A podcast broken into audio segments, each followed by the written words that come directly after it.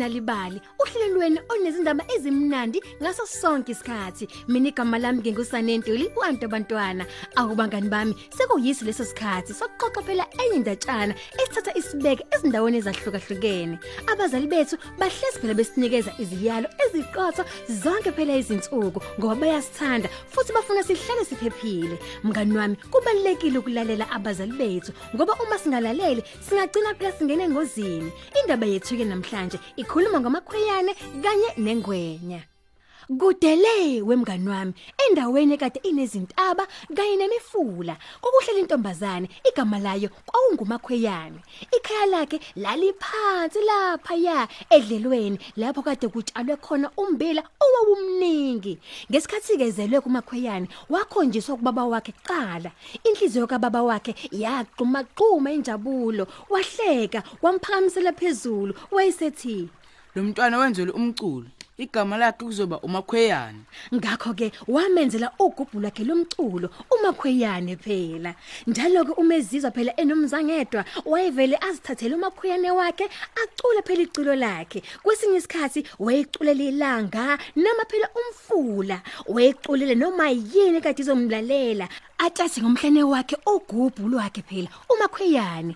Kuba nabonke abantu umakhweyane wayemthanda ugogo wakhe. Ugogo yena wayehlela ngasemfuleni kanti ukufinyelela lapho kwakumele phela anqamule umfula uziyophumela edoleni elikhulu. Ngelinye ilanga umakhweyane wacela kumama wakhe. Singawukavasha ugogo namhlanje. Awu mntanami ngimatasatasa namhlanje kanti nawe ngeke uhambe wedwa. Kwakuphendula umama wakhe. Ngobani? Kubuza umakhweyane. Makhweyane, ngihlezi ngikutshela ukuthi kunengwene enkulu kabe ehlala lapha kuleyo mfula. ibamba noma yini ihlafune ngamazinyo ngisho namantombazane amancane Kwakunanele baba wakhe. Awu ngiyaxolisa makhweyane mntanami, ngeke ukwazi ukuhamba lapha yana wedwa.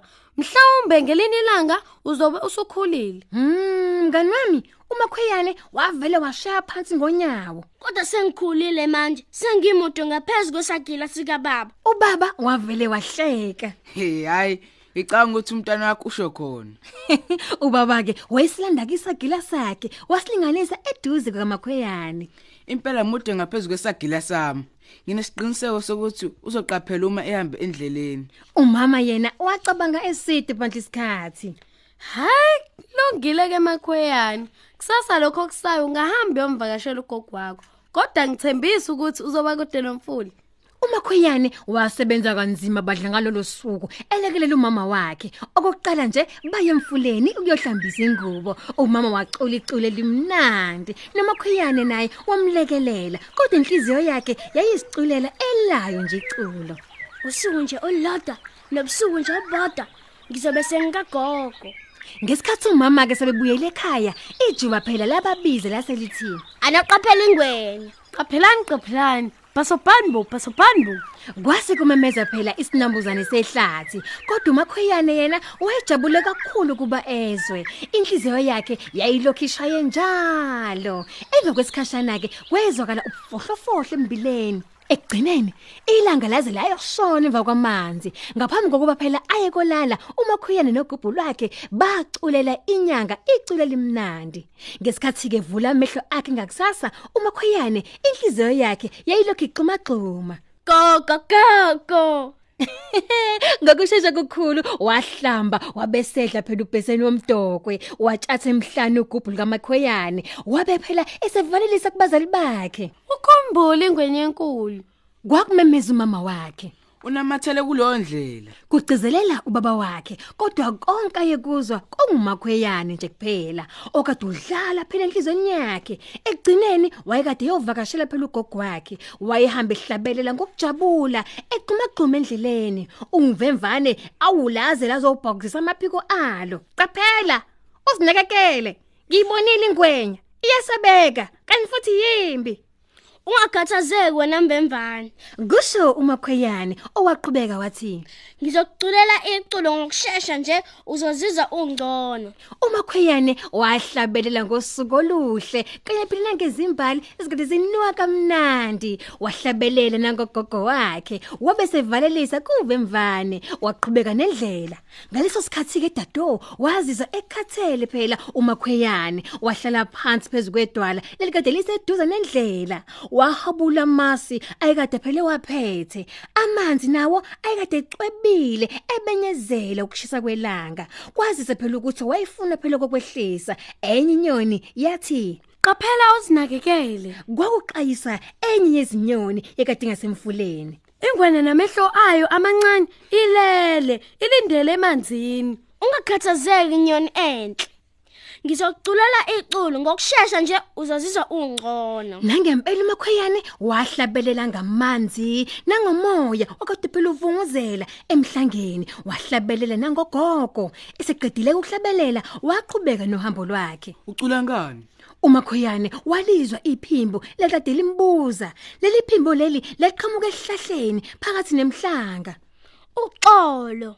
Kusho umakhweyane ezibonela ukuthi akusilona iphimbo lesihlahla leli kodwa wabona phela kade kubukeka njengesiciblishi. Mnumzane Siciblishi ucishe wangithusa yazi. Ngicula ngogogo wami ohlala ngale kwaleli yadala elikhulu.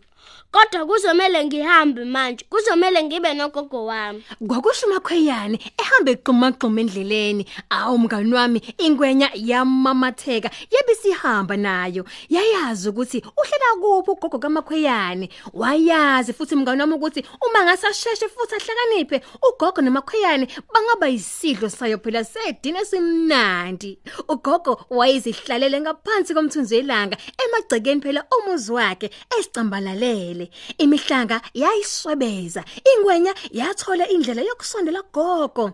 Ugogo wayengezwa futhi wayengaboni lutho. Ingwenya yaqhwakelela ngagogo isondela. Mm, umakhweyane wagijima endleleni ayehamba kuyo. Wayengekho kude kangakanani nendlu kagogo manje. Kodwa kungekudalanga wavele phela woma ukwethuka nokusaba ngoba wakhumbula wonke amazwi abebekade bemtshele wona. Ayikade ethi lamazwi isilwane esimbi esinamehla amancane.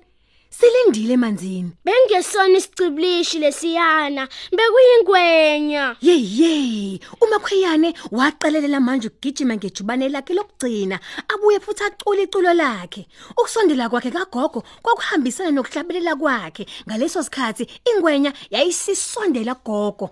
Mm, impukane yavele yayothi cha baba ekhaleni likagogo wayiphebeza nogogo. Negwenya nayo yayisazi ukuthi ke sekuyisikhathi sokuhlasela manje. Kodwa ugogo wawavula ngesikhathi esifanele amehla akhe. Mm, wamemeza waqhumela kude le ingwenya nayo yavele yama ugogo walanda induku yakhe wayigwaza kodwa kwabanzima ngoba isikhuma sengwenya sasekuqinsi ingwenya yona yabambelela kucezu lengubo kagogo mm, mngani wami yamudonsa ngemilenze umzimba kagogo omkhulu wazama abantu ukutabalasa wawungabona umakhweyane yena wagcina eseyojikela phela ekhoneni lokugcina lendlela ayikade hamba ngayo.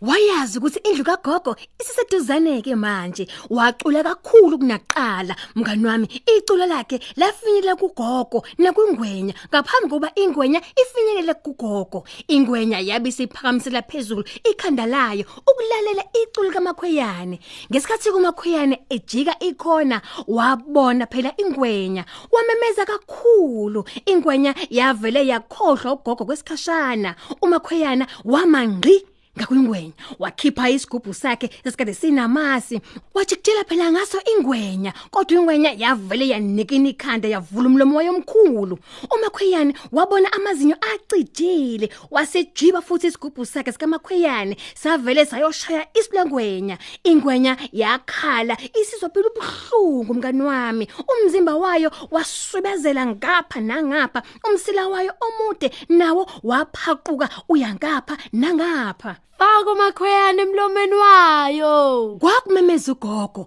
kodwa umakhweyane wangena emlonyeni wengwenya wangabusa kwazi ukuphuma.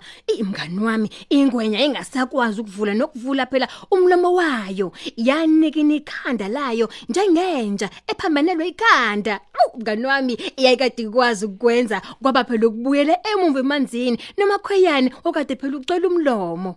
Sinqobile ingwenya, sifundise isifundo. Kwakumemeza umakhweyane wabambelela badla kugogo wakhe okhalweni lakhe badansa esidi isikhathi bejabula baze bacishe kuphelela umoya emva kwesikhathi eside nesikhathi nelanga sesizilahlele kunina babehlezi begonene eduze komlilo umakhweyane wabesethi Ngilahlekele umakhoyane wami, kodwa thina sobabili singacula ndawonye. Angithi gogo. yaze yamnandi indaba yethu namhlanje.